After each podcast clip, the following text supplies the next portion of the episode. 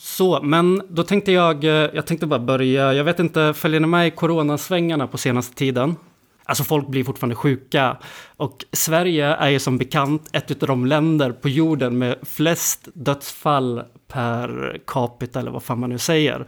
Folk i äldrevården har dött som flugor och kan vi läsa här i en eh, debattartikel utav eh, Jarl Ernroth. Han är finländsk eh, författare och docent i sociologi.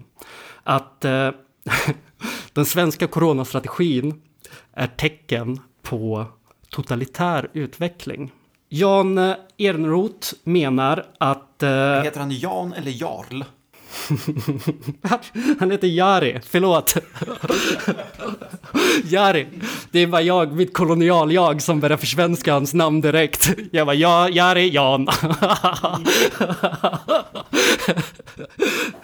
Så här skriver han att Hela samhällets vinning anses vara viktigare än att värna om enskilda individers liv. Det som till exempel är fundamentet i internationella deklarationen för de mänskliga rättigheterna. Han menar att vi har frångått den värdegrund som till exempel ligger eh, som eh, fundament för den amerikanska modellen, det vill säga individuell, eh, individens absoluta rättighet till liv och istället anammat jakobinernas kollektivistiska, mordiska syn på samhället. Men han är också då helt enig med den amerikanska modellen att det är varje individs rätt till uh, att försöka bli lycklig och äga saker och sådär, om man är vit. Eh, ja, absolut. Men han är också med på den. Han är nazist alltså. Mm, ja, men precis. Han, han kallar det, uh, det här kallar han för en totalitär demokrati. Och det är alltså ett begrepp som används där man beskriver länder som till exempel Sverige, alltså förr i tiden som socialdemokratiskt. Man säger detsamma om uh, Mexiko eller om Venezuela, eller alltså Venezuela före Chavez. Nu säger man bara att det är en, en diktatur. Men det är liksom ett, ett, ett vedertaget begrepp Låter det inte bara som en omskrivning för västerländska demokratier som man inte gillar. Jo, men absolut, så är det ju. Och han skriver så här, i en liberal demokrati omhuldar man pluralismen, medan man i en totalitär demokrati eftersträvar ett uniformerande av värdegrunden som republikens mål. Medlet är en statsledd progressiv lära som ofta närmar sig socialistisk idealism och en messiansk dröm om sämja och fred. De östeuropeiska socialistiska folkdemokratierna som nu fallit var totalitära demokratier där människor till sist enbart var siffror i statistik. Vad duktig du är på ord, Jari. Precis som de svenska coronaoffren nu är det i Anders Tegnells rapporter när han, oberörd av vetenskaplig kritik, Eh, och hela den övriga världsopinionen försvara sina felaktiga slutledningar. Den mjuka eh, totalitarismen tillåter kritik... vi börjar om. Den mjuka, totalar, eh, to, den mjuka totalitarismen tillåter kritiken, men korrigerar inte sin kurs. En annan och ännu mer pessimistisk förklaring skulle kunna vara den exceptionella svenska coronastrategin är en följd av den västerländska kulturens förfall, som i Sverige verkar ha gått längre än någon annanstans. en kultur som förlorat sin kreativitet, sin segervilja och världshierarki kämpar inte längre mot ett dödligt virus utan underkastar sig det som anses som oundvikligt. Och alltså, fine. Må så vara att Sveriges strategi faktiskt är skit. Vi lever liksom i ett nyliberalt samhälle. Det som statsepidemiologerna har föreslagit, det är att vi ska liksom fortsätta leva exakt som vi alltid har gjort i det här nyliberala samhället, förutom att vi inte får samlas mer än 50 personer på ett ställe och vi måste hålla lite avstånd och sånt. Det har inte genomförts några som helst sociala eller ekonomiska insatser för att eh, skydda arbetare, skydda människor som lever på, eh, liksom på marginalerna. Utan man har helt enkelt bara ansett att det är business as usual. Det man hade kunnat göra är ju just till exempel att man ja, ger, eh, garanterar att människor som jobbar inom vården får 100% risktillägg. är någonting som, eh, eh, som Tegnell skulle kunna föreslå. De, jobba, arbeta deltid men få 100% ersättning. Man skulle kunna försöka Eh, öka bemanningen inom eh, äldrevård, inom LSS, genom att ge folk bra utbildningar så att de kan gå in och täcka upp när det saknas folk. Istället så har vi liksom sett att man gömmer sig bakom någon slags låtsas apolitisk hållning och påstår att de förslag som man faktiskt genomför, de är inte politiska. Det är inte politiskt att säga att ekonomin måste fortsätta. Det är inte politiskt att förbjuda människor från att demonstrera. Det är däremot jättepolitiskt att säga att staten måste gå in och ta full kontroll över de här välfärdskapitalisternas eh, företag, där man liksom eh, låter människor dö eh, som flugor. Det är jättepolitiskt och det får man absolut inte säga. Med det sagt så känns det väldigt magstarkt att sitta och höra det av honom att den västerländska kulturen håller på att liksom falla på grund av Sverige. Men jag tror att du har, jag tror att du missar någonting här. Eh, jag tror att anledningen till att den svenska eh, coronastrategin ser ut som den gör. Det beror liksom inte på vad du liksom lite vagt kallar nyliberal ordning eller så här. Utan det är ju därför att eh, män i hästsvans och kvinnor i batik dricker vin direkt ur amforan och har sex med mindreåriga afghanska ensamkommande. Eh, och på Rosenbad. Eh, och, någon, och liksom spelar harpa medan Stockholm brinner. Eh, och det är därför det blir så här. Ja, men okej, okay, ja absolut.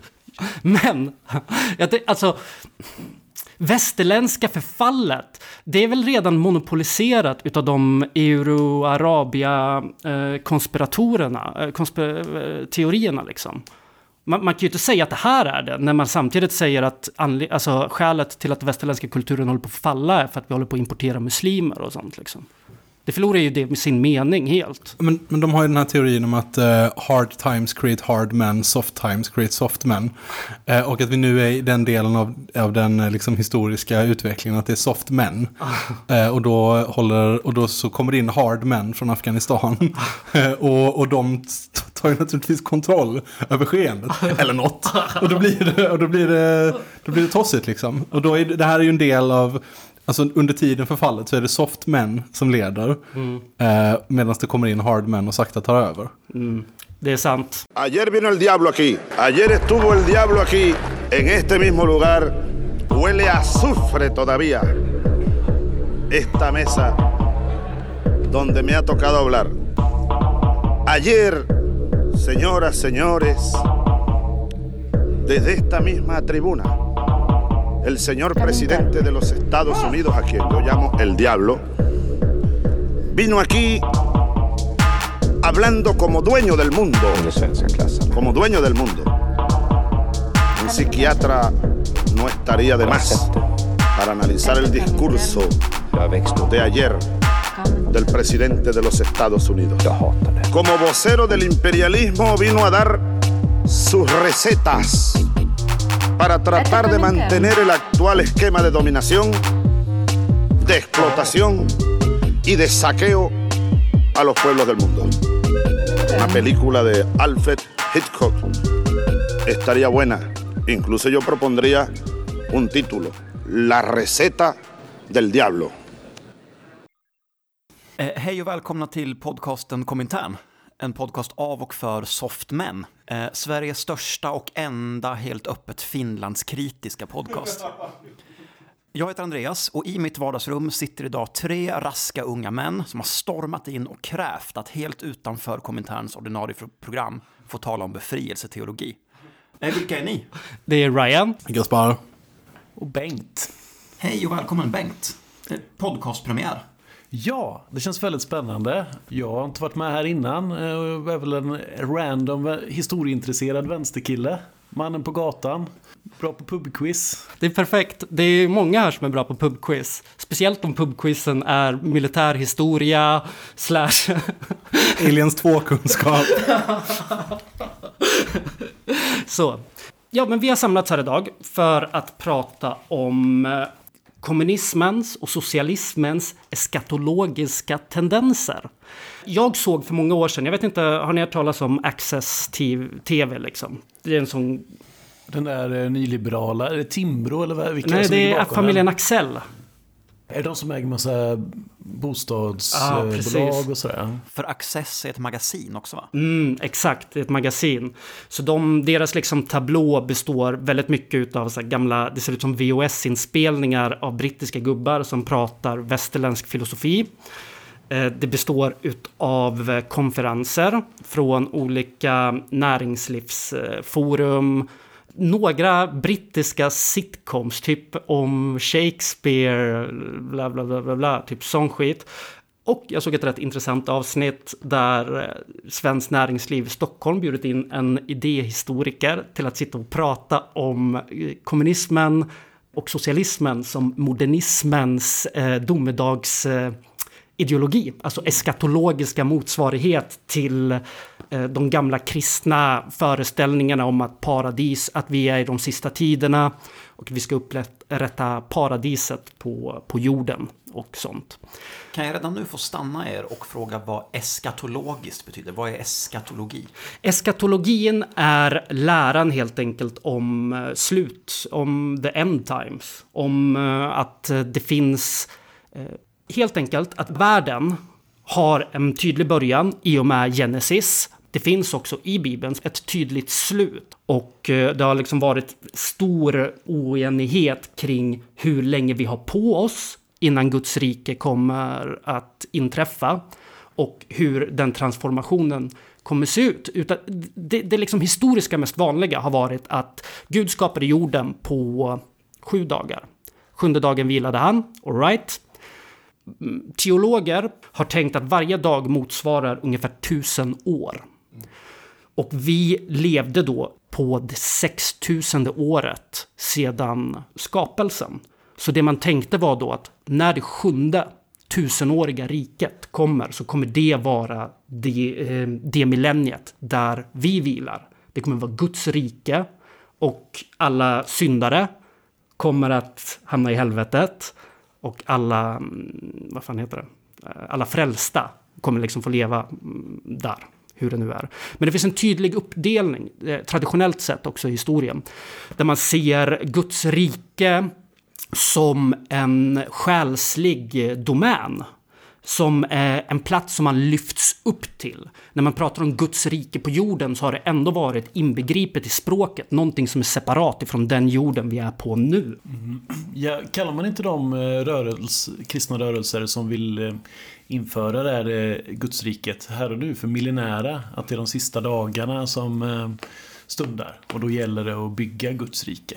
Att man använder den här eskatologin som ett eh, politiskt redskap också. Jo men precis, och det kommer vi kunna se sen när vi går tillbaka och kollar på bonderörelser eller på de eh, landreformistiska rörelserna i England på 1600-talet. Att eskatologin, eh, redan där så försöker man eh, reclaima det och säga att det inte är en själslig strapats utan att det är någonting som är ytterst materiellt. Det är en verklighet som måste realiseras här på jorden utav de människorna som saknar egendom. Mm, men jag tycker också att man får väl ändå ge eh, den här liberala idéhistorikern, eller vad det nu var för tomte, någon slags, alltså, det finns ju en poäng där. Eh, det är ju klart att, att många eh, kamrater, mig själv inbegripet, liksom talar om, ja men efter revolutionen, då, då kommer man få, ja men du vet så, mm full gay space communism, luxury communism, liksom hela den grejen.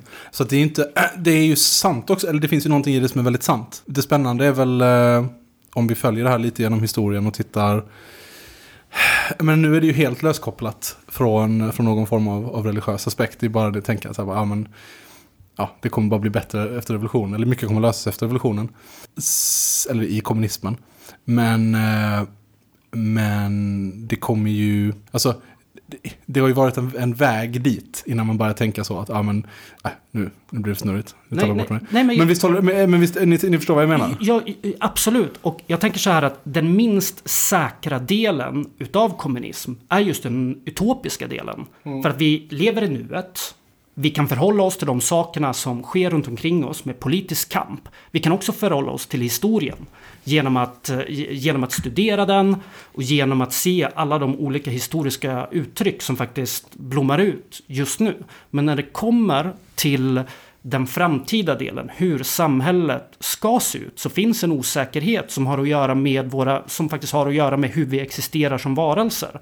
Vi existerar linjärt, vi, vi, kan liksom inte, vi har inte det perspektivet som tillåter oss att se hur ett kommunistiskt samhälle kommer att se ut. Och det är en, vad ska man kalla det för, en nackdel med att vara tredimensionella varelser. Men vi kan ju också samtidigt eh, ana hur det ser ut genom att studera våra praktiker, genom praxis, genom eh, och genom att eh, våran förmåga att omforma världen. Men vi kan inte säga garanterat hur det kommer vara och det finns ju en väldigt stor oenighet eh, Eh, inom vänstern hur ett historielöst samhälle kommer att se ut. Men, men även, du och jag har talat lite om det tidigare. Och vi har talat lite om, om ett begrepp som jag tycker är intressant, som är att, att man, man, kan bara tala om kommunismen i termer av negat, alltså negationer. Så man kan bara få liksom en, eh, alltså man kan bara få konturen av det genom att se vad det inte kommer innebära. Och så är det väldigt svårt att se vad det faktiskt kommer innebära, då blir det mycket svårare. Så man kan tala om, ja men det, det, kommer, det kommer inte finnas klasser, det kommer inte finnas eh, rasism, det kommer inte finnas sexism. Du vet, man, man, bara, man tar bara bort så dåliga saker. Men, det finns ju, men det, till och med där så blir det svårt, för till och med där kan man ju tala om så här, kommer det finnas, kommer tidsuppfattningen vara densamma? Det vill säga alltså, det, hur vi delar in tid och ser på tid och sådär. Delar upp dygn i minuter och timmar. Det är ju jättetätt kopplat till de nuvarande produktionsförhållandena liksom till, eh, till, till kapitalistiska produktionsförhållanden. Kanske, kanske kommer man, vi kanske inte kommer tala om dagar. Eller, ja, vi snackar liksom om helt andra kategorier i ja. hela vårt tänkande. Vi måste liksom, den konceptualiseringen kommer ju föras fram av de historiska skeenden som är våran utopi. För oss att försöka fiska för mycket i det nu kommer liksom vara, det är som att försöka använda en sten Eh, en sten som verktyg för att... För att göra en flöjt? Ja, men bygga glas. Jag vet inte. Ja, men precis. För att göra flöjt. och låsa fast sig redan eh, förbestämda tankar och begrepp om hur ett sådant samhälle skulle kunna vara. Det var lite intressant. Franska revolutionen så försökte man ju sig på att ändra kalendern och eh, tidsräkningen. Men jag tror de skippade efter ett halvår för det var lite opraktiskt. Ja, ja de, de gjorde det. Och de, de fick väl, men den, den höll kvar, den höll i, i sig ganska länge, okay. den här förändringen. Ja, det, jag, tror det var, jag tror inte det var Frans Napoleon eh, skulle sluta fred med eh, katolska kyrkan igen, som de gick tillbaka. Men det, de, de fick en jävla massa problem. De största problemen de hade med det, om man ska vara materialist, tror jag, eller så här, är att det största problemet kanske inte var egentligen att de ändrade på, på datumen och så, utan det var att de tog bort en massa helgdagar för bönderna helt plötsligt. Så en, en Eh, man brukar räkna med att en, en genomsnittlig fransk bonde eh, hade fler lediga dagar än en genomsnittlig amerikansk arbetare idag på ett år. Innan revolutionen, efter revolutionen betydligt färre. Så det, där, det finns en intressant diskussion att ha där också. Liksom. Återigen en materiell verklighet. Ja, ja, precis. Det går inte att komma ifrån. Var, jag tror det var, var det 10 eller 14 dagar som en vecka var. Och varav då bara en var vilodag. Ja, precis. precis. De, sköt, de, de, de stök alltså två dagar helg i veckan. Vilket ju hade gjort vem som helst vansinnig. Alltså. Så, så eh, eh, Jari har någonting där, någon slags kritik mot jakobinerna. Kanske vi kan, även vi kan drista oss eh, till att göra. Återigen negationer, så ser inte vår kommunism ut. Exakt. Jag, jag tänker liksom att det kanske också är en sån där, eh, om man ska se historien från den ljusa sidan, att Franco bevarade de religiösa, hel, de religiösa dagarna i Spanien. Det är liksom helgdagar hela jävla tiden. Jag har svårt att se att det skulle vara så ifall republiken hade kvarstått. Då vi talar, men vi talar lite om det här då med eh, när religiösa övertygelser går över att man vill skapa ett himmelrike på jorden. Och det kan ju se lite olika ut och det kan man ha mycket diskussioner om. Men när det blir en politisk rörelse så har det kommit att börja kallas för befrielseteologi. Eh, vill du berätta lite om det? Eh, absolut.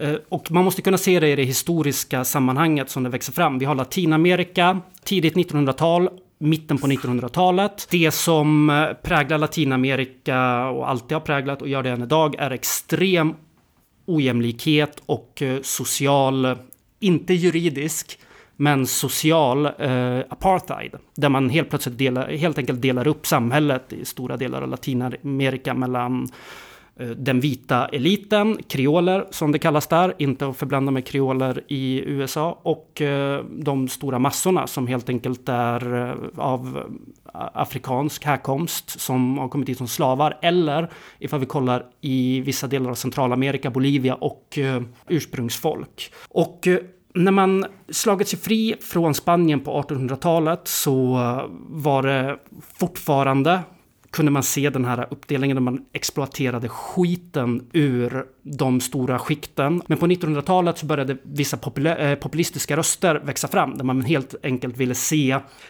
en framväxt av ett industrialiserat eh, Latinamerika. Och det här är väldigt intressant, för att om vi kollar på industrialiseringen utav Sovjet och Kina så ser vi egentligen två otroligt effektiva och lyckade projekt där man tar länder ifrån bondesamhällen och för in dem i framtiden. I Latinamerika så finns det någonting som kallas för, jag vet inte hur man ska kalla det, utvecklingsteori eller desarrollismo, eh, development theory. Och det är helt enkelt synen att eh, alla olika länder befinner sig i ett naturligt stadie i fattigdom, i bonderskap. Och det finns en organisk framväxt där man växer fram, eh, där man sakta men säkert utvecklas till ett mer industrialiserat samhälle. Och det här är någonting som kommer gälla alla samhällen oavsett vart de ligger. Det är ju en jättekonservativ grund, eller det är, så här, det är typ så definitionen av en konservativ världssyn, eller hur? Ja, precis, exakt. För att det betyder också att man inte, eh, först och främst att man accepterar att länder är naturliga entiteter liksom som är, som är eh, där liksom det kommer ske någon inre utveckling eh, oavsett vad som för sig går på andra platser i världen. Det är liksom, det är så lat också, syn på det. Och kan ju lätt gå över till eh, teorier om ras och Absolut. Och... Eh, det fanns ett, vad man ska kalla det för, ett ehm, kontinentöverspännande projekt som kallas för Import Substitution Industrialization. Och det här skulle man kunna se som en... N när är vi nu i tiden? Nu är vi på 30, 40, 50, fram till 60-talet. Och eh, det man skulle kunna se det som är den lätta fascismens försök till eh, modernisering. Då har vi å ena sidan i Sovjet den kommunistiska och eh, socialistiska visionen av ett samhälle. Och i Latinamerika så har man den eh, peronismen i Argentina, man har Estado Novo i Brasilien, den nya staten. Där det helt enkelt var försök att man ska sätta höga skatter på import och man ska subventionera eh, all inhemsk produktion för att bygga upp en industri. Och detta gör man genom att uppmuntra näringslivet. Och det som växer fram är ju alltså starka korporatistiska stater där eh, regeringen, där statsmakten sitter i samma båt som näringslivet. Eh, vad består produktionen av i Latinamerika första halvan av 1900-talet? Det är råvaruexport, men man börjar ju se det som den här subventionerade industrin, det man försöker göra istället, det är att sälja hela, man försöker sälja färdiga produkter. Förlåt, för nu, nu kommer vi, vi hugger in på massa ställen här, men det, men det kanske man får göra lite. För det bara slår mig nu att det här är ju som en, det är ju som en inomkapitalistisk antiglobaliseringsrörelse, eller hur? Mm. Hur, hur ser en, och det, det, för det är en tanke som jag ändå, som jag ändå har så här lekt med, hur fan skulle en sån se ut egentligen? Alltså, om, om, eh, om kapitalistklassen hade bestämt för att, du vet, så isolationism och det håller på lite i USA nu och bla bla bla. Mm. Men han gör det inte riktigt på riktigt nu, Trump. Men det var intressant att här är en jättestor del av världens ekonomi ändå, som man får ändå säga att Latinamerika är, som börsen säger nej, vi ska syssla med isolationism, vi ska vara antiglobaliseringsekonomi. Det går inte så bra då uppenbarligen. Fast här låter det som att målsättningen är export ändå. Precis. Snarare. Målsättningen kommer vara export. Men det kommer inte dit heller. För... Eh... Nej, jag, förlåt, men jag, okej, okej, absolut givet att man vill exportera sina varor. Men, men de vill ha en helt, eh, en helt eh, inhemsk industri. Alltså hela industrikedjan eller så, eh, varukedjan. Precis, fram och det går ju tvärt emot fri, Exakt, och det går ju tvärt emot frihandel också. Mm. Genom att man har höga, eh, hög, tull, eh, hög tull på import av andra varor. För att helt enkelt ge de egna varorna en fördel. Men det är ju som ett barn hade suttit och så här ska lösa kapitalistspelet. Bara, ja. så, hur ska jag bli rik? Ja, men jag gör allting hemma mm. och så säljer jag det dyrt. Ja. Och sen så tar jag inte in så mycket. och, så... Eh, och, det som händer på 60-talet är att allting brakar samman. Det finns, eh, produktionen kan inte mäta sig längre. Det är till och med billigare att importera varor än vad det är att producera dem i hemlandet. Det här proletariatet som är begränsat till städerna förlorar hela sin inkomst samtidigt som de här industrierna avvecklas. Samtidigt som vi också under hela den här tiden haft en stor del jordlösa bönder eh, som börjat förlora mer och mer jord till förmån för agrikultur eh, etc. Och den reaktionen som sker är en väldigt, väldigt stark vänsterreaktion. Och det här är precis innan militärdiktaturerna eh, börjar mm, rulla in över Latinamerika, amerikansk imperialism, Operation Condor där man hade tortyrprogram. Utan det här är liksom precis i gränslandet. Vi kan se det här som de sex åren som beredde vägen för Salvador Allende innan. Och, och vad snackar vi då? 60, mitten 60, av 60-talet? Ja, mitten och slutet av 60-talet. Man börjar utveckla en ny slags form av teori som kommer ligga till grunden för befrielseteologi och andra vänsterrörelser som heter dependensteori.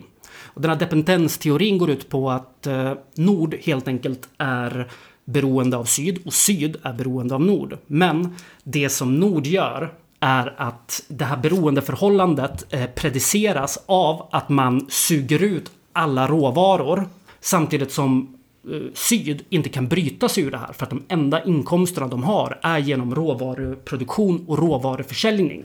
Man ser helt enkelt att, de, att eh, eh desarroismon har varit fel. man kan inte ha en organisk utveckling mot ett kapitalistiskt fungerande samhälle för att man är inbegripen i det här beroendeförhållandet med Nord. Och den här fattigdomen kommer att kvarstå fram tills att man bryter sig loss ifrån det eh, beroendet. Man skulle kunna säga att imperialismen har förändrat spelreglerna lite grann. Eh, precis, och många av de här befrielseteologerna menar ju till exempel att när Lenin och eh, Rosa Luxemburg skrev om imperialismen så skrev de det ändå ifrån länder som befinner sig mitt i det. De befinner sig, eh, befrielseteologer och andra marxistiska teoretiker i Latinamerika befinner sig i periferin.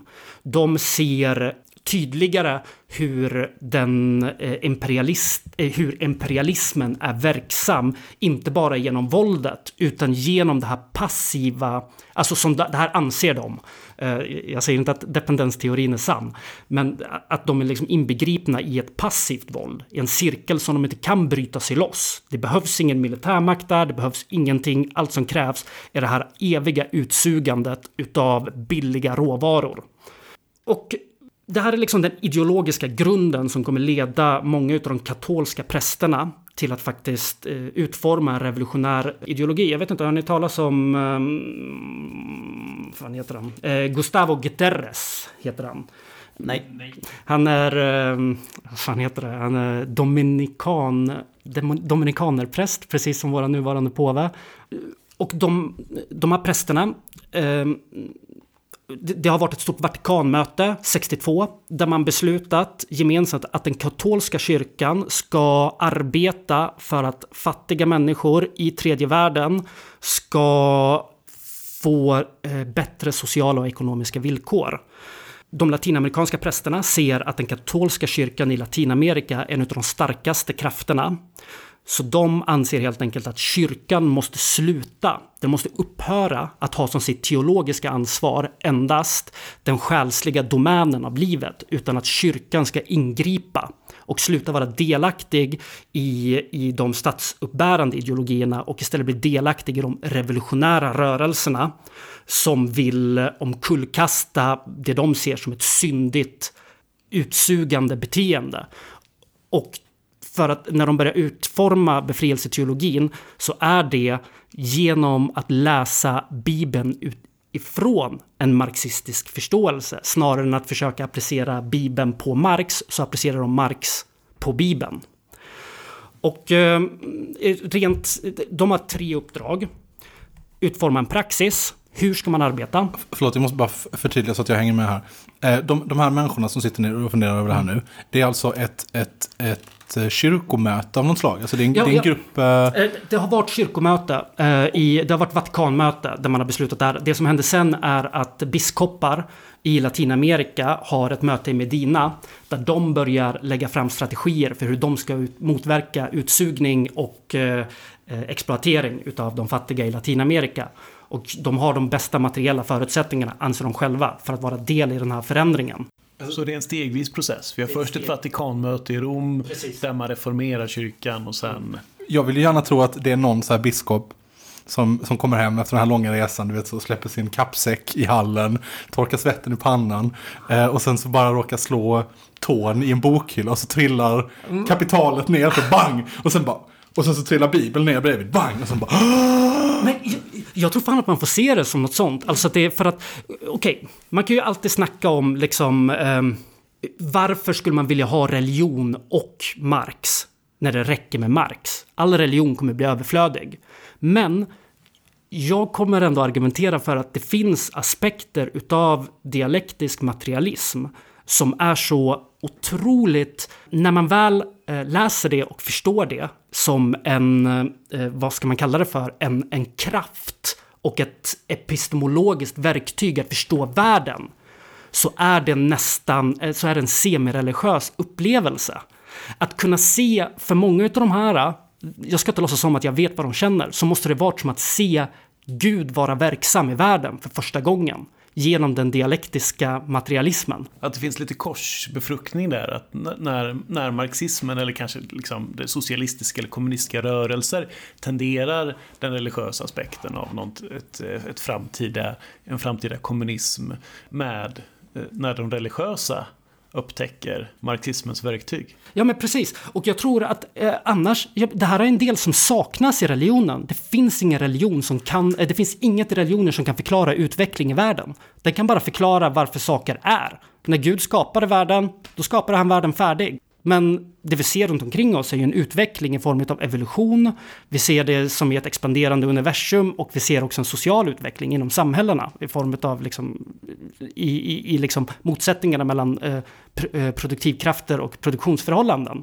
Och marxismen blir helt plötsligt det verktyget som man kan se hur Gud gör skillnad i världen. Han, Guds Gud är dialektisk. Gud eh, är eh, inte bara, eh, kliver inte bara ner till mänskligheten som, som, ges, som Jesus, som sin egen son, utan han är verksam och delaktig i de förändringarna genom det sättet som han driver historien framåt. Också då tänker jag att man kan se eh, massorna som kyrkan traditionellt ser som fattiga fattiga som man ska eh, ta hand om, använda Jesus exempel, tvätta fötterna på. Istället för som objekt så blir de helt plötsligt subjekt i historien eh, och några som involveras eh, i det hela.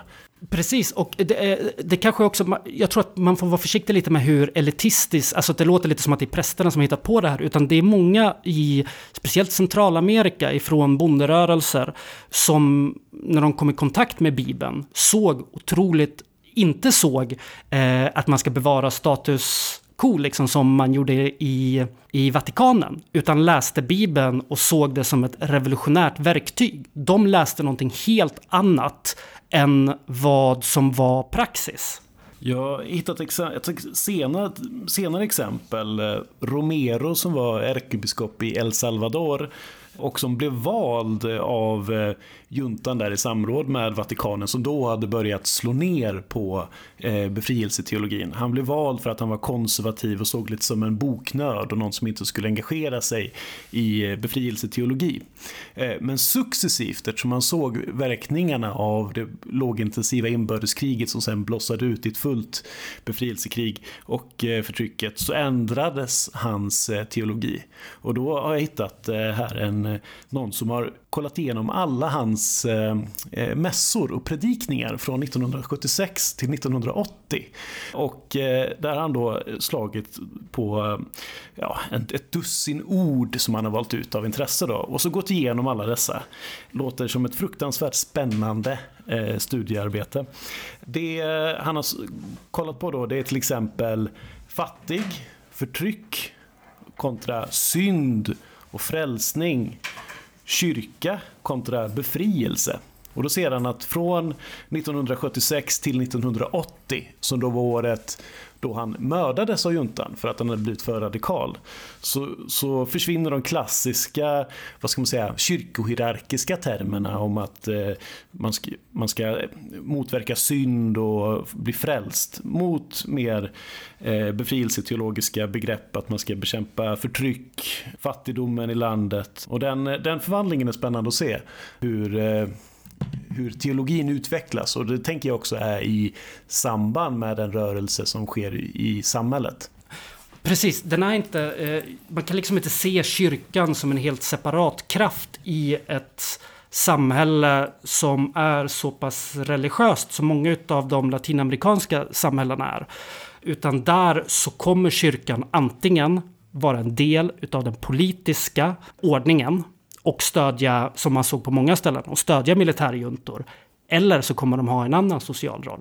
Kanske som påve Franciscus gjorde under den argentinska militärdiktaturen, våra nuvarande påve, eh, också dominikanermunk. Det var ju, blev ju etablerat på 60-70-talet i princip i Latinamerika att man ska arbeta enligt befrielseteologiska metoder. Han som undantag motsatte sig detta och ville istället ägna sig åt eh, eh, ortodox teologi som helt enkelt går ut på då att man ska predika för de fattiga, att man ska vara välgörare. Vilket är intressant. Han hade alla förutsättningar att agera eh, som en, vad ska man kalla det för, en historisk eh, kraft och vara del av den förändringen men väljer att motsätta sig det. Det sägs ju också att han golade dit folk till militärjuntan som sen mördades och sånt.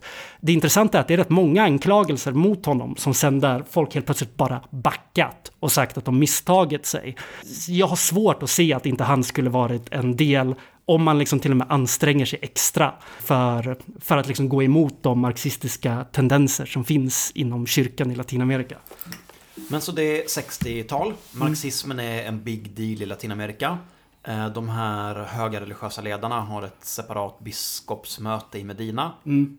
Och sen? Det som händer sen är att eh, de här befrielseteologerna börjar bilda olika små sociala baser runt om i landet. De kommer helt enkelt fram till att deras roll i Latinamerika måste vara revolutionär. Den kan inte vara något annat. Det enda sättet för människan att, eh, att eh, uppnå frälsning är genom att förstå sin historiska roll som, som förändrande och goda och sociala krafter man får se det så här, det, det de menar är att man å ena sidan har frälsningen och frigörelsen och å andra sidan har vi eh, Guds kungadöme på jorden.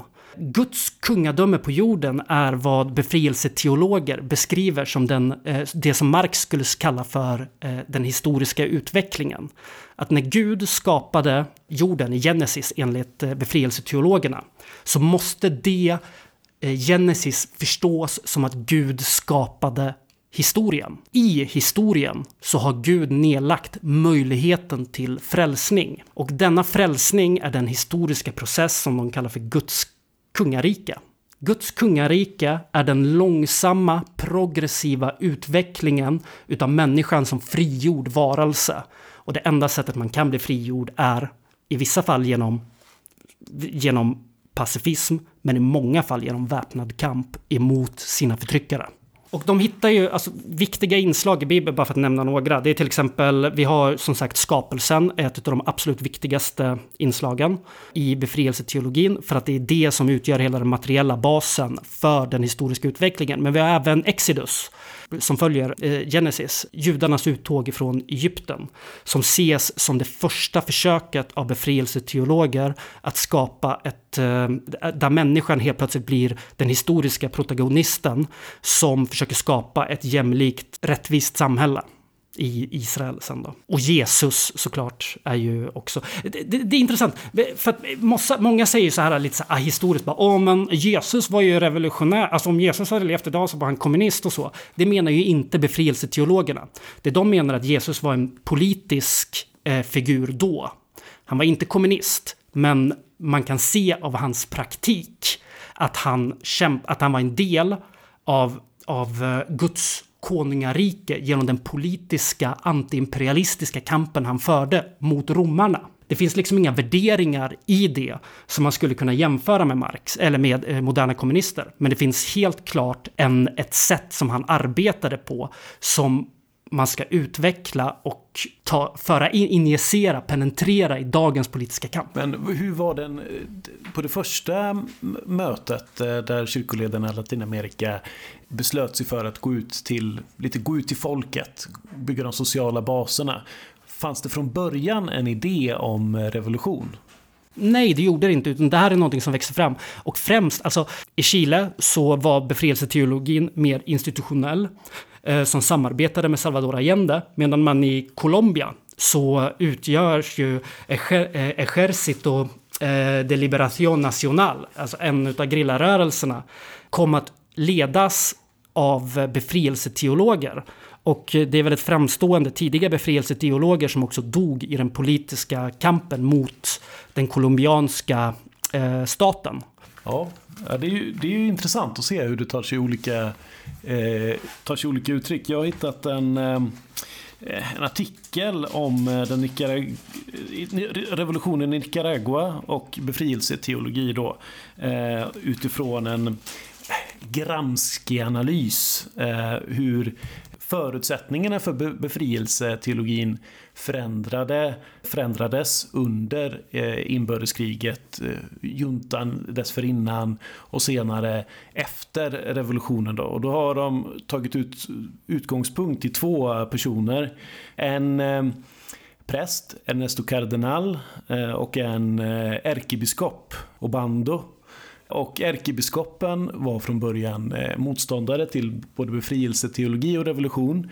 Men på grund av att större delarna utav det nicaraguensiska samhället, nicaraguanska samhället, eh, ställde sig emot diktaturen. Andra kyrkoledare började sätta tryck på honom att han skulle byta fot.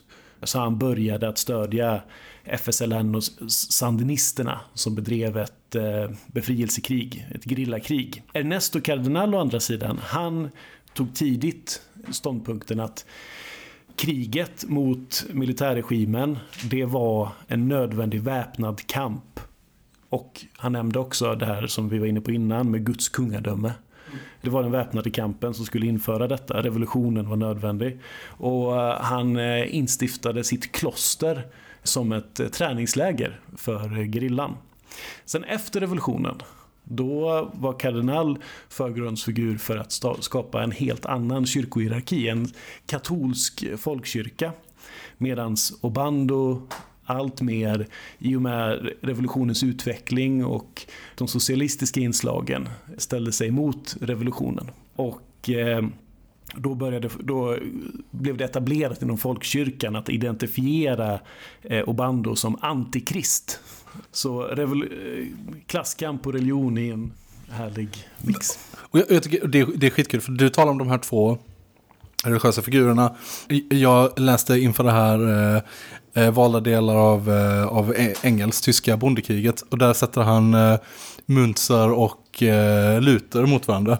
Och fan om inte det är, är jävligt analogt med det du precis beskrev. Därför du har de här två karaktärerna, du har Eh, Martin Luther som, är, eh, som drar igång den här, eh, som drar igång reformationen. Liksom, eller, ja, han, han, han är en som framstående ledare inom reformationen.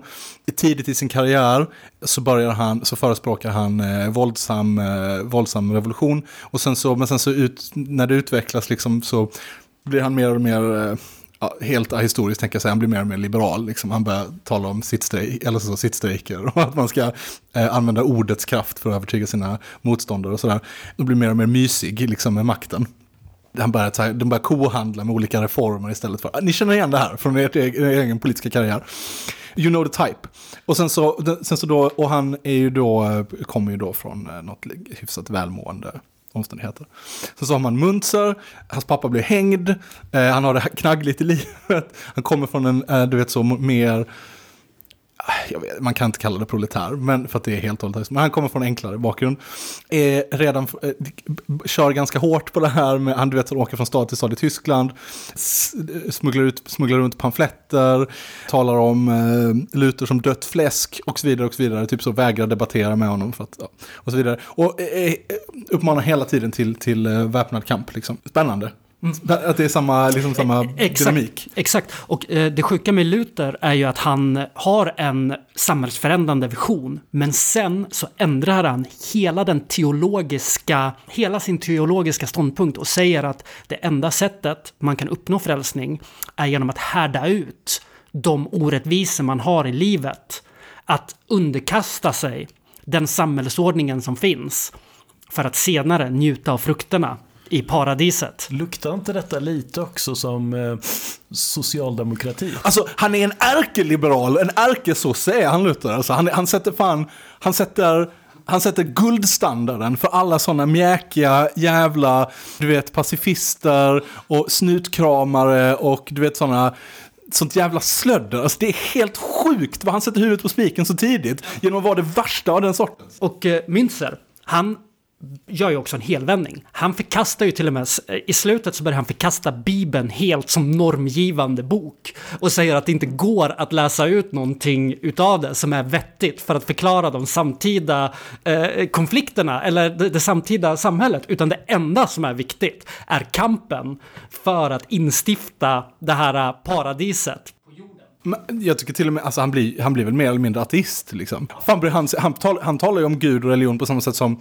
som, ja, som du var inne på. Alltså han talar ju mer som strävan mot ett egalitärt samhälle som, eh, ja men typ nästan som en sån hegeliansk eh, historiens marsch mot eh, eh frihet, bara, bara. Det är liksom där han ser religion. Det är, det är det enda utrymmet han lämnar för religion. I övrigt är han så, fuck it, det är svärdets väg som gäller, kamp, kamp, kamp. Du vet, Che Guevara, nu är kamp, framtiden är vår. Det är väldigt mycket Münzer. Precis, men det jag, eh, det jag tänker ändå det är typ att alla ontologier på den tiden kommer vara religiösa i någon mån. Och kampen kommer handla om vilken del människan har och vilken del som Gud har. Och det som Münzer gör, det är att ta bort mer och mer av det Gud. Det är fortfarande Gud som kanske är de historiska krafterna eller vad fan det nu är liksom som har skapat jorden. Men de enda personerna som är möjliga att transformera världen. Och det får vi inte glömma att det faktiskt också är skrivet i Genesis. Att det är människan som genom att omforma världen uppvisar sin fria vilja, uppvisar sin gudomliga, vad heter det, gudomliga sida. Och det är ju, han kommer så långt som man kan i det sammanhanget och i det samhället. I ett feodalt bondesamhälle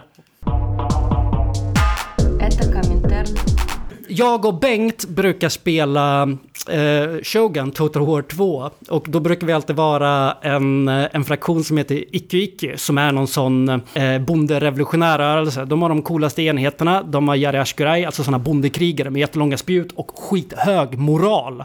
Så att eh, de till och med kan spöa skiten ur samurajer och sånt. Mycket tillfredsställande. Otroligt svår jävla kampanj att klara. Men eh, vår, vad heter det, våran hyperorientalism eh, vars ingång liksom är eh, dataspelsvärlden har även lett dig in på eh, någonting helt annat. Någonting som eh, känns som väldigt djupt vatten just med tanke på orientalism. Eh, säkert mycket triggervarningar i det här som vi har snöat in på. Och det är alltså ett eh, jättestort fett bondeuppror 1800-talets Kina. Eh, jag visste väldigt lite om det här innan jag började läsa in mig på det inför dagens avsnitt. Fantastiskt mycket att hämta i detta. Det är Taiping-upproret. Ehm, Taiping-namnet betyder någonting i stil med himmelska kungadömet. Vackert, mycket vackert. Precis. I ett buddhistiskt Kina Framförallt eh, ett eh, Kina som är eh, präglat av konfucianism. En slags statsideologi som har vissa religiösa drag men mycket praktiskt kring stadsbygge, hur man ska förhålla sig både socialt och hur staten ska vara organiserad. Voltaire som gillade upplysta despoter, han tyckte att konfucianism var någonting som man skulle ta lärdom av. Och eh, under 1800-talet så har en eh, dynasti som kallas för Qing-dynastin, eller Qing-dynastin, ursäkta uttalet, eh, regerat i ungefär eh, 300 år. Det är en dynasti som kommer ifrån Manchuriet. Det var en invasion i Kina och man tog över kejsardömet och makten. Qing-dynastin införde nya klädvanor och eh, hur man skulle ha sitt hår till exempel. Män skulle ha håret eh, i en eh, lång eh, hästsvans. Ja, jag kan bara då säga att eh, den här rörelsen som jag kommer berätta om som gjorde uppror mot Qing-dynastin, de såg den här frisyren som ett eh, uttryck för demonisk påverkan. Eh, dynastin då har eh, frodats länge. Man har eh, dragit fördel av handeln med väst. Man har kunnat skydda sin egen ekonomi och exporterat lyxvaror som vi som väst inte haft tillgång till och som betalat jättemycket pengar för. Men i början på 1800-talet, kapitalismen i väst springer fram, kolonialismen börjar pika och man bryter eh, Qing-dynastins makt eh, genom att tvinga upp marknaden med vapenmakt, tvinga på Kina handel med opium och eh, med brutal kraft att öppna upp Kina för världsmarknaden. Och parat med eh, svält på grund av hungerkatastrofer, eh, social oro på grund av eh, ja, opiummissbruk som breder ut sig och Eh, allmän instabilitet då, så börjar eh, dynastins makt att eh, krackelera. Och i den här tiden, då har vi en kille som heter Hong Chiu-chan som eh, ligger febersjuk efter att ha misslyckats med de kejserliga proven. Och det hänger ihop med den konfucianistiska tanken att det är någon form av, eh, vad kallas det när man eh, premierar dem som eh, duktiga i ett samhälle? Meritokrati, en meritokratisk tanke då. att eh, de som är dugliga, även om man är en fattig bonde, eh, ska kunna lyckas i staten. Eh, och bli statstjänsteman. Saken är den bara att eh, som man skulle kunna tro så premieras eh, sönerna till de rika och välbeställda i samhället. Eh, så utav den vanliga befolkningen så är det ungefär 1% utav de som eh, tar de här proven som lyckas. Han har då, tror jag, det tredje eller fjärde provet som han kuggar. Blir sjuk, ligger hemma i sin by och ser då syner. Han får visioner. Han ser att han tas upp i himmelriket. Han ser en tupp, en tiger och en drake.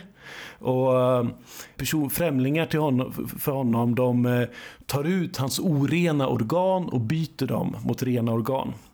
Han ser också en fadersgestalt som sitter i en drakdräkt på en tron. Han ser också en, eh, en son till den här person till, till den här fadersgestalten. Och fadern berättar om att tyvärr så har demoner tagit över himlen. Han får då ett svärd som kallas för snö i himlen, eller himlens svärd, som han ska använda då för att rena himlen. Han, hans bror eh, använder en mystisk skrift som han håller upp, ett tecken eh, som skrämmer demonerna medan Hong då avlivar dem en efter en och lyckas rena himlen. Han frågar då fadersgestalten om man får fortsätta till jorden för att ta bort dem. Men fadersgestalten säger att deras lik kan förgifta himlen så vi, vi avvaktar lite med det. Han vaknar upp sen efter sina feberdrömmar, kan inte tolka dem. Eh, hans familj tror att han har blivit galen. Men sakta men säkert när sjukdomen ger med sig så återgår han till sitt vanliga liv. Han tar provet igen, kuggar och i samband med den, med den sista kuggningen så kommer han i kontakt med missionärer som har översatt Bibeln till kinesiska. När han läser eh, de eh, översättningarna så ser han vad eh, hans visioner har gett honom. Det är alltså Gud fader i himmelen. Det är Jesus som har hållit upp skriften och tecknet för honom. Och han är inte mindre än Jesus lillebror. Han startar då en rörelse som tar upp många saker ur eh, Bibeln, många saker ur Hongs vision. Demonerna är eh, de, de utländska imperialisterna och Qing-dynastin.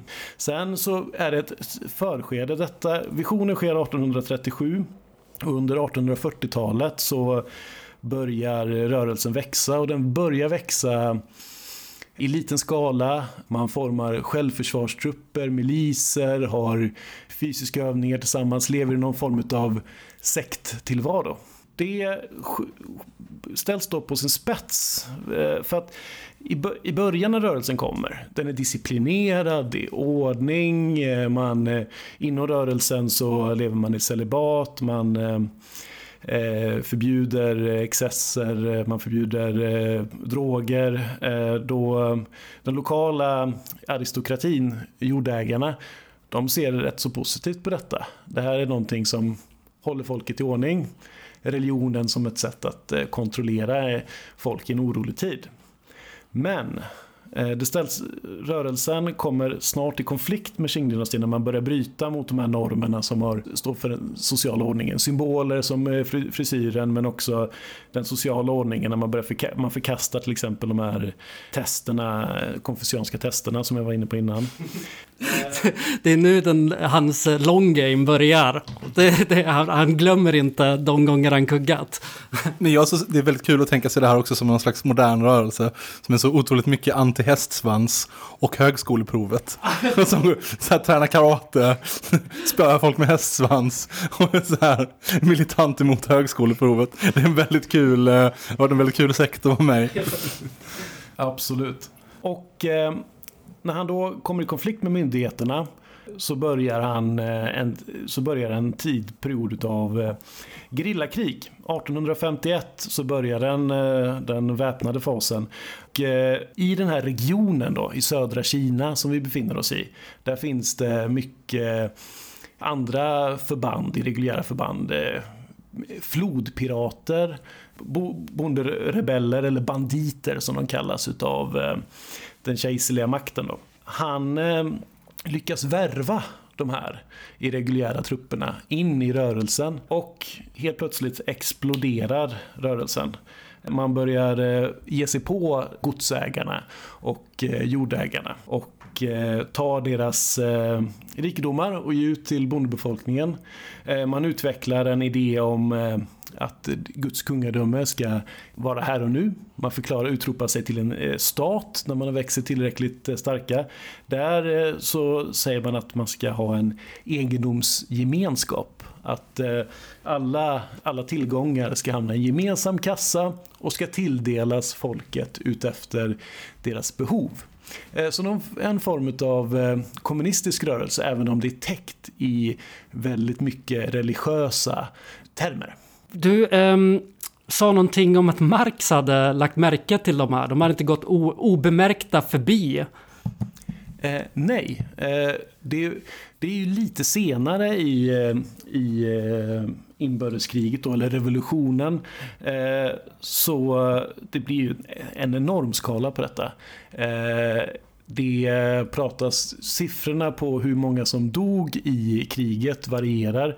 Kriget pågår då från eh, 1851 tills det att de sista rebellerna försvinner på 1870-talet. Eh, man räknar med att ungefär 10-30 miljoner människor dog.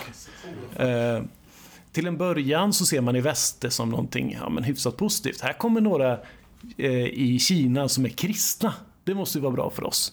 Men snart går det ju upp vad rörelsen handlar om. Eh, den, eh, det här med det, det egalitära är någonting som, man, som inte är förenligt med att vara en eh, kolonial lydstat. Men, men, förlåt, nu, vill du avsluta din grej? Jag blir bara så himla nyfiken. För att du, du sa det att eh, det händer någonting eh, där som får rörelsen att liksom explodera. Och jag är lite nyfiken på om du har läst någonting om, om när den liksom emancipatoriska kommunistiska impulsen eller egalitära impulsen kommer i det skeendet. Alltså är det så att det sker en, en slags ideologisk förändring i, inom rörelsen först och sen så bestämmer den sig för att ändra taktik och då börjar den växa. Eller är det så att den börjar rekrytera andra medlemmar och att medlemsbasen förändrar ideologin? Eller, eller sker det liksom i någon slags eh, dialektisk eh, utveck- växelverkan. vad, vad tänker du? Jag har försökt att hitta eh, just detta, vad det, vad det sker. Det kommer ju fram i, i eh, när staten bildas. Då eh, skriver man någon form av författning eh, som, ska, som ska reglera staten. Där har vi det egalitära hur det ser ut innan, eh, det vet jag faktiskt inte. Det, motståndet mot den rådande ordningen finns där från början. I hans vision så identifierar han ju då eh, kejserliga ordningen som något förkastligt och de här symbolerna attackeras. Men det egendomsgemenskapen, eh, det har jag faktiskt inte koll på hur tidigt den kom så att säga. Alltså det som är intressant om man kollar både på eh, befrielseteologi och det här så är det ju olika ideologier som formuleras i opposition mot eh, kolonialism, mot eh, västerländsk eh, kapitalism helt enkelt. Vi har här så har vi det eh, extremt våldsamma sättet som britterna tar sig in i Kina på och de motsvarande i Latinamerika där man har haft 500 år av kolonialisering, kolonisering och samtidigt då, då den här lilla Eh, gruppen vita europeer som fortfarande utövar ett mer eller mindre kolonialt eh, eh, förtryck emot dem. Så det finns liksom historiska, utan att liksom bli för, vad heter det, eh, ahistorisk, så finns det någonting tran transcendentalt med historien där. Det finns någonting, det finns likheter för när de här rörelserna eh, bildas. Absolut. Det finns, det finns absolut paralleller. Och det, vad, vad jag läser, alltså, det finns väldigt mycket olika tolkningar utav eh, revolutionen. Du var inne på Marx innan där eh, och han eh, skrev i New York Times under revolutionen artiklar där han beskrev det som en revolution i ett, ett bondesamhälle. Tog in, drog inte de växlar som man till exempel det man kan ana i upproret i Indien, Sepoy-upproret, där man kan se en antikolonial eh, tendens i Marx. Det, de, de parallellerna drog han inte kring Taiping. Sen så måste man ju säga att det är ju mycket möjligt att han inte hade den bakgrundskunskapen om vad eh, Taiping-rörelsen stod för och det, eh, egendomsgemenskapen och hur pass Eh, Eh, socialistiska de var i praktiken. Med, med andra termer, de var ju inte uttalat socialistiska. Men till exempel då så var det ju en, en egendomsgemenskap, eh, att var och en skulle få efter behov. Det var också så att man förkastade det traditionella samhället eh, då såg ju, var ju väldigt patriarkaliskt. Kvinnor fick inte utbildas eh, och inneha maktpositioner om det inte var inom adelsfamiljer eller inom, det kejserliga systemet. Klassisk feodalsamhälle. Inom Taiping-rörelsen så eh, hade kvinnor samma rätt till utbildning, eh, samma status som män. Eh, man hade kvinnliga soldater. Sen som det finns, äh, finns mycket religiösa rörelser så hade man lite problem med förhållningen till sex. I början så var det strikt celibat. Män och kvinnor levde åtskilda. Senare så släppte man tydligen lite på detta. Men eh, en, vad ska man säga, en jämlikhet med reservationer och någonting som känns betydligt mer avancerat än bondeuppror som man har läst om eh, på andra håll. Och den här liksom emancipatoriska befrielse tanken tror jag inte snappades upp där utav eh, Marx har jag kunnat eh, läsa. Sen har jag, sen har jag sett, Sven-Erik Lidman menar att han faktiskt såg den här potentialen i det. Eh, till exempel då. Och det finns andra tolkningar också. Inom senare maoistisk tradition, så i början i när maoismen fortfarande var revolutionär, så Eh, såg man Taiping-rörelsen som ett verkligt föredöme, som en revolution, var, var i paritet med Pariskommunen. Mm. Det var liksom eh, gnistan som visade på socialismens möjlighet. Eh, och det är kanske också det att eh, Marx såg eh, industriproletariatet medan Mao tänkte sig att det var bondemassorna som skulle bana väg för socialismen. Då. Till och med den den första kinesiska republiken, den borgerliga republiken, såg Taiping-rörelsen som förebilder. Och då såg man det snarare som den kinesiska franska revolutionen. Så typ någon slags form av nationalistisk framväxt eh, av, eller av, av liksom national och rättsstat snar, eh, ifrån det feodala. Ja men precis, som en progressiv kraft då. Att man kanske då tog mer av sikt på det som var en, eh, en motvikt mot eh, det gamla feodala kejsardömet då. Eh, men... Eh, Otroligt fascinerande. Vet du om det finns filmatiserat? Ja, det finns tydligen en eh, riktigt lång historisk följetong, eh, kinesisk eh, kostymdrama som har producerats på 2000-talet. Kinas förvandling under kommunistpartiet ideologiskt har följt med, synen på Taiping-upproret har följt med den ideologiska förändringen. Så i början, om man såg det som den stora föregångaren, som sin motsvarighet till Paris kommun, eh, så gick det mer och mer åt att vara ett bondeuppror, eller man ser det, det just det progressiva, att man gör sig av med gamla vanor, mm. som det som man lyfter fram ur den. Liksom. Man har nya ideologiska glasögon på sig och då ser man på historien på ett annat sätt också. Även om det fort, man har den fortfarande kvar som en liksom, ja, kanske mer då som en nationalistisk eh, eh, historieskrivning än eh, en eh, socialistisk sådan. Har någon hört av sig till eh, den här Black Book of Communism-människorna och berättat att de kanske har missat 30 miljoner extra att lägga till? För det tycker jag i så fall att annars någon måste göra. Det här låter absolut som om de här dödsfallen måste läggas på kommunismens, vid kommunismens fötter. Ja, varför inte? Det är väl hela, hela pandemin är väl det nu. Ja, eller i alla fall alla som dött i Kina. Nej, alltså, Ki- men Kina har ju dödat alla enligt dem. Ja, okej. Ja, Det här, det här är Ja. någonting som... Ja, men här har de 10-30 miljoner till att lägga in. Det är bara, de bjuder vi på.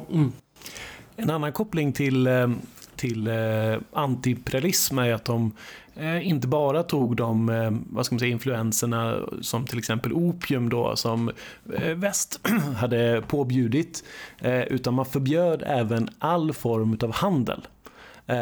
Så man, de liksom, protokapitalistiska marknadskrafterna som hade smugits in i Kina satte man P för. Ehm, det är, det är vackert. Och att det liksom överallt i historien finns de här explosionerna. De här plötsliga och eh, extremt våldsamma händelserna som aldrig riktigt lyckas. De enda personerna som, alltså de, de personerna som faktiskt lyckades med sin eh, revolution inom citationstecken var ju tyvärr köpmän och annat tråkigt folk. Samtidigt, eh, och nu är vi liksom, nu är vi där vi är. Men för att du säger att de eh, misslyckas, vad händer med, vad händer med Taiping-upproret? Vad- Du säger, det, man får ju känslan av att det gick åt pipan. Ja. Eh, får vi avsluta kronologin här med det tragiska slutet. Det är, man växer som stat. Man, får, eh, man skapar en eh, eh huvudstad i Nanjing. Med en stor eh, stad i södra Kina. Och, eh, inbördeskrig med stora eh, eh fältslag mot eh, kingarmén. Det böljar fram och tillbaka. Och mot slutet då utav eh, Taiping-staten så har man en stor push. Man ska krossa Qing-dynastin en gång för alla. Men eh, man stoppas utav en eh, vältränad armé som har eh, västerländska rådgivare och västerländska vapen. Det är britterna som ser till att det här sätts stopp för. Sakta men säkert så faller stad på stad på stad som kontrolleras av Taiping tills eh, man omringar staden då där Hong befinner sig. Och eh, han, det blir svält i staden. Eh, han säger då att han har fått en, en gudomlig ingivelse att eh, man ska börja äta örter. Eh, och det ska vara andlig eh, spis då. Eh, som så man ska klara sig. Han föregår med, med eget exempel och käkar de här örterna och man tror att han blir matförgiftad utav det. Och när han dör då går liksom kraften ur rörelsen. Sen så är det några år efteråt där det fortfarande finns kvar förband då. Men det, liksom, det dör sakta ut då tills rörelsen helt eh, slocknar. Någon, något förband åker till eh, eh beger till Vietnam och startar ett inbördeskrig där. En historia som jag inte läst in mig så mycket på. En anekdot där också kring eh, krossandet är att eh, den brittiske general som eh, eh var med och eh, ledde och tränade armén som besegrade Taiping-upproret. Han hette Gordon eh, och han var en eh, imperialistisk karriärist. Efter att eh, ha vunnit i Kina så gick han vidare till andra uppdrag. Han såg sig som en eh, Ehm, eh, humanist och välgörare och hade en väldigt uppblåst självbild. Han var väldigt populär i Storbritannien för alla pengar han gav till välgörenhet och så. Eh, nästa projekt, eh, eller ett, ett senare projekt var att han begav sig till Sudan eh, för att eh, bekämpa slaveriet och befria eh, befolket där, från, folket där från gamla eh, fördomar. Eh, under samma tid så uppstod en väckelserörelse i Sudan. Mahdi-rörelsen som såg eh, eh, en, eh, sin ledare som eh, en typ av messiasgestalt. Eh, Gordon som hade varit med om att eh, ta bort slaveriet, vilket eh, den lokala eliten inte gillade, införde slaveriet igen för att motverka Mahdi-rörelsen. Men de säckade in honom i Khartoum och han spetsades på ett svärd. Nej! Åh, den här historien hade ett bra slut för en gångs skull. Fan vad gött. Vad innebär att spetsas? Att eh, man penetreras av ett svärd eller ett spjut. Men det var ett, det var ett grymt öde i alla fall. För Lät inte tillräckligt grymt, om du frågar mig. Hur mår befrielseteologin idag? Befrielseteologin är levande på vissa platser. Alltså, man kanske får se det som en politisk tradition i Latinamerika där vänstern sedan i, i Chile har ju till exempel eh, vänstern samarbetat med det krist, kristdemokratiska partiet eh, ända sedan Pinochets fall. De, de kristna har helt enkelt hellre ingått i koalition med eh, vänstern än med de gamla konservativa Pinochet-partierna. Och det måste man nästan se som en, eh, som en slags form av fortsättning på Eh, Eh, befrielseteologin. Den befrielseteologiska rörelsen var jättestark i, eh, i eh, Chile och det fanns ju väldigt, eh, man var väldigt optimistisk kring Allendes seger i presidentvalet. Man kan säga att ideologin utformades, men det finns också befrielseteologi i Palestina, till exempel palestinsk befrielseteologi som är Eh, riktigt jävla sopig. Det är någon sån... Eh, de är typ så här, ja, ah, vi ska... Vi är helt antivåld vi som palestinier måste acceptera Israel som judisk stat. Eh, men vi måste samtidigt kämpa för ett palestinskt territorium. Så det är sådana riktiga ut, eh, utförsäljare. Eller eh, vad heter det, muslimsk befrielseteologi också.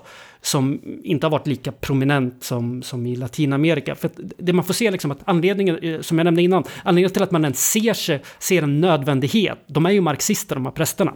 Anledningen till att de ser det som nödvändigt att vara politiska just i Latinamerika, för många av de här prästerna och sånt är spanjorer som åkt dit, är för endast på grund av det kat eh, katolicismens um, inflytande. Det liksom finns ingen annan uh, de tror inte att de kan vara revolutionära på någon annan del av jorden. Liksom.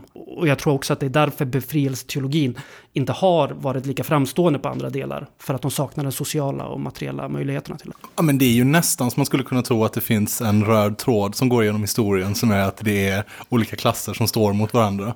Och det finns liksom en, eh, en frihetslängtan hos de nedtrampade klasserna, att de gång på gång på gång försöker storma eh, himlen och skapa himmelriket på jorden och att den kan klä sig i lite vilken ideologisk skrud som helst.